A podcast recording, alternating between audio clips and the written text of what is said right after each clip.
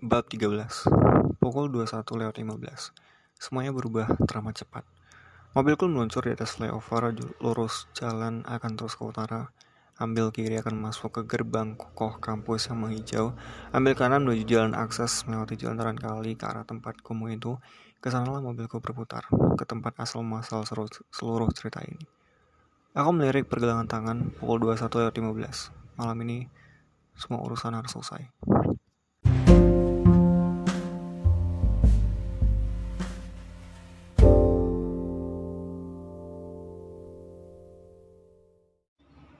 Dua minggu terakhir semenjak aku berdiri di jembatan penyeberangan Singapura itu, situasinya memburuk amat cepat, tidak terkendali.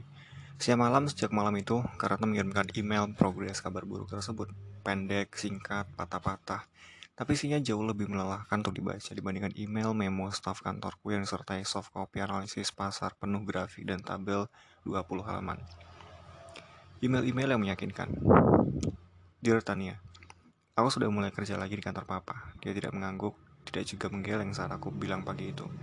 Seperti biasa, hanya menatapku kosong, menyeringai datar. Aku hanya terdiam yang selalu sudah mengatakan soal itu. Tapi sudah terlanjur kukatakan, mau apa lagi? Apakah dia tidak setuju atau aku kembali bekerja? Aku sudah jauh lebih sehat, ya. Terima kasih. Kau pasti banyak mendoakanku. Doa gadis sebaik dirimu pasti terkabul. Oh iya, jadi seminggu yang lalu datang ke rumah kami mengajak teman wanitanya, pacarnya ya. Cantik sekali, aku teringat dirimu, matanya mirip dengan matamu.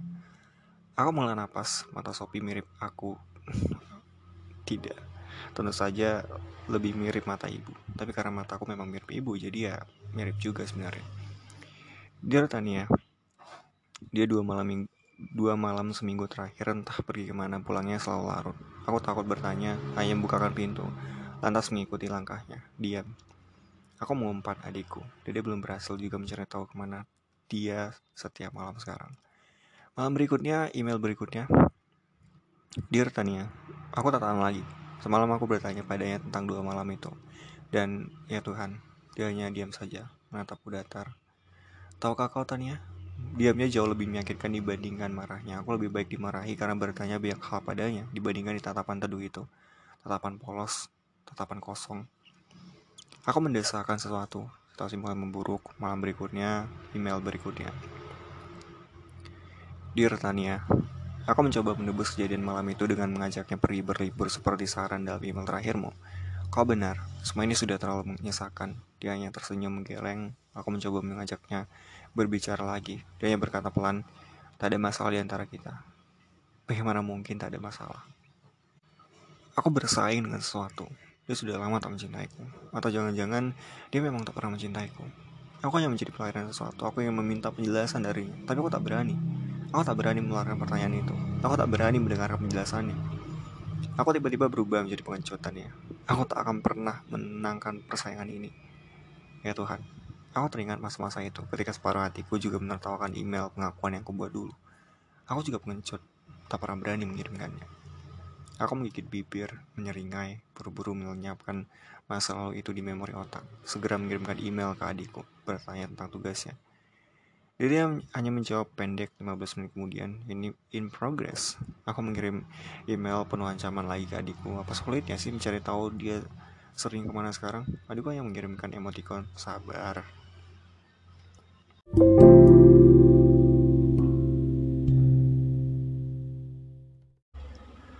Malam berikutnya, email berikutnya. Dirtania, semalam kami bertengkar. Tidak, tidak bertengkar. Aku yang berteriak-teriak parah. Dia seperti biasa hanya menatapku diam. Aku ingin tahu kenapa dia semakin sering pulang larut. Apakah dia sudah enggan kembali ke rumah ini? Aku hampir kelepasan bertanya apakah dia sudah bosan dengan pernikahan ini. Tetapi kalimat ini tersangkut di tenggorokanku.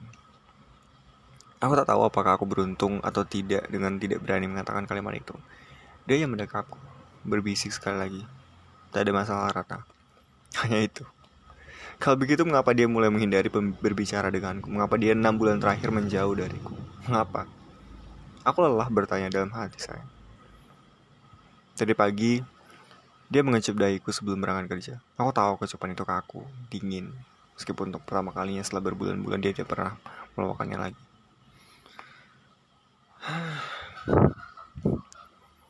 Tania, Aku lama sekali tidak menceritakan ini kepada siapa pun. Sudah hampir setengah tahun terakhir, dan aku bingung dengan apa yang harus aku lakukan sekarang. Supaya terasa menggumpal di hati, menyesakan. Dan aku cemas dengan semua kemungkinan masa depan. An mengeluh pendek saat tahu masalah mereka ternyata sudah lama. Tak bisakah kau bertanya sekarang, apa masalahnya? Apa yang dikhawatirkan karena setidaknya dia mempunyai dugaan bukan? An akhirnya mengizinkanku untuk terlihat terlibat lebih jauh.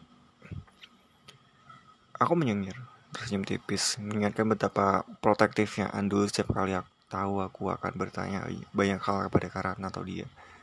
Apa masalah mereka sebenarnya? An hanya mengangkat bau. Semuanya ada ada timingnya Tania. Nah, sekarang waktu yang tepat untuk bertanya. Ada apa dengan mereka? Namun pertanyaan itu yang aku kirimkan malam itu juga dengan disaksikan An tidak baik membantu. Malam berikutnya email balasan karena tiba.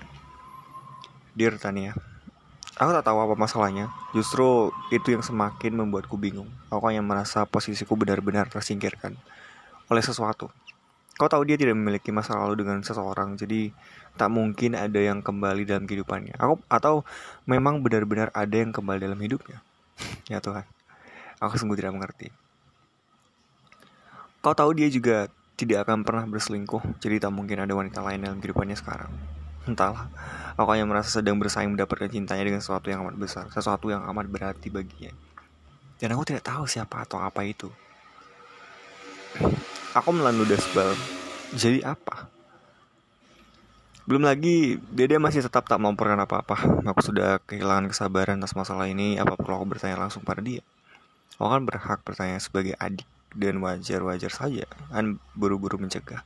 Fasanya sekarang tetap Karata yang bertanya Bukan kamu? Kita menunggu lagi. Aku menyumpai An. Di otak An sepertinya semua kejadian ini seperti permainan perang-perangan. Menunggu, menyusun strategi dan sebagainya. Tidakkah An bisa mengerti ini menyangkut masa depan keluarga seorang yang amat berarti bagiku? Ini semua menyangkut kebahagiaan keluarga kakakku Dia dan Karata Peduli amat dengan perasaanku dulu. Itu sudah masa lalu Aku akhirnya memutuskan akan bertanya langsung kepada dia. Jika dalam waktu dua hari tetap tidak ada penjelasan dari Karata apa sebenarnya masalah mereka, An mengangkat bahu, sepakat dengan deadline waktu tersebut.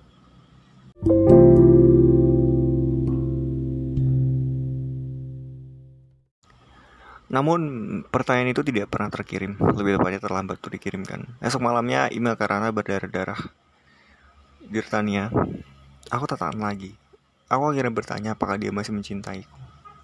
Apakah dia pernah pernah mencintaiku. Dia hanya diam, tak menggeleng, tak mengangguk. Ya Tuhan, menyakitkan sekali menatap wajah itu. Aku tahu dia dulu juga tak pernah menjawab pertanyaanku secara langsung saat kami masih pacaran. Tapi waktu itu dia selalu tersenyum kepada aku, senyum yang menyenangkan. Setidaknya aku merasa jawabannya iya. Tapi sekarang Wajah itu menatap amat datar, sejelas apa yang ada di hatinya. Aku bertanya, apa yang harus kulakukan? Dia beranjak berdiri, memegang lenganku, menggeleng. Tak ada yang harus kulakukan, kau lakukan Rata. Aku bertanya, apa yang akan kau lakukan? Dia menggeleng lagi. Tidak ada yang akan aku lakukan Rata. Lantas dia pergi entah ke mana, pulang larut sekali. Aku sudah tidak sanggup lagi. Tania, aku memutuskan untuk pergi sejenak dari rumah ini. Aku akan pulang ke rumah orang tua aku. Semuanya sudah amat menyesakan. Kami harus berpisah beberapa waktu. Berpikir ulang atas semuanya, apakah kami akan melanjutkan pernikahan ini atau tidak. Maafkan aku sayang. Aku membuat dia tidak bahagia. Membuat dia tidak nyaman. Maafkan kakakmu yang sebulan terakhir mengganggumu dengan email-email menyedihkan ini. Maafkan kakakmu yang tak bisa bersabar lagi. Aku bukan istri yang baik untuk dia. Aku sungguh bukan istri yang baik. Aku kangen kau Ingin sekali berbincang hal lain yang menyenangkan Bukan membicarakan segala kesedihan ini.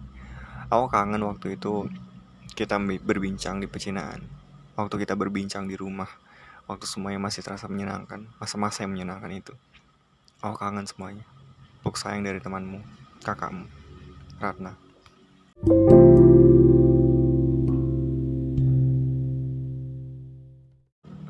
Demi membaca email berdarah-darah itu, esoknya aku memutuskan pulang segera ke Jakarta. Ini masalah serius, aku tidak bisa hanya berdiam diri saja. Aku adalah bagian dari keluarga mereka dan aku berkepentingan untuk setidaknya bertanya. Hal itu juga pasti akan dilakukan ibu kalau ibu masih ada. Tidak, aku tidak akan terlibat lebih jauh. Aku hanya akan bertanya kepada dia. Ada apa?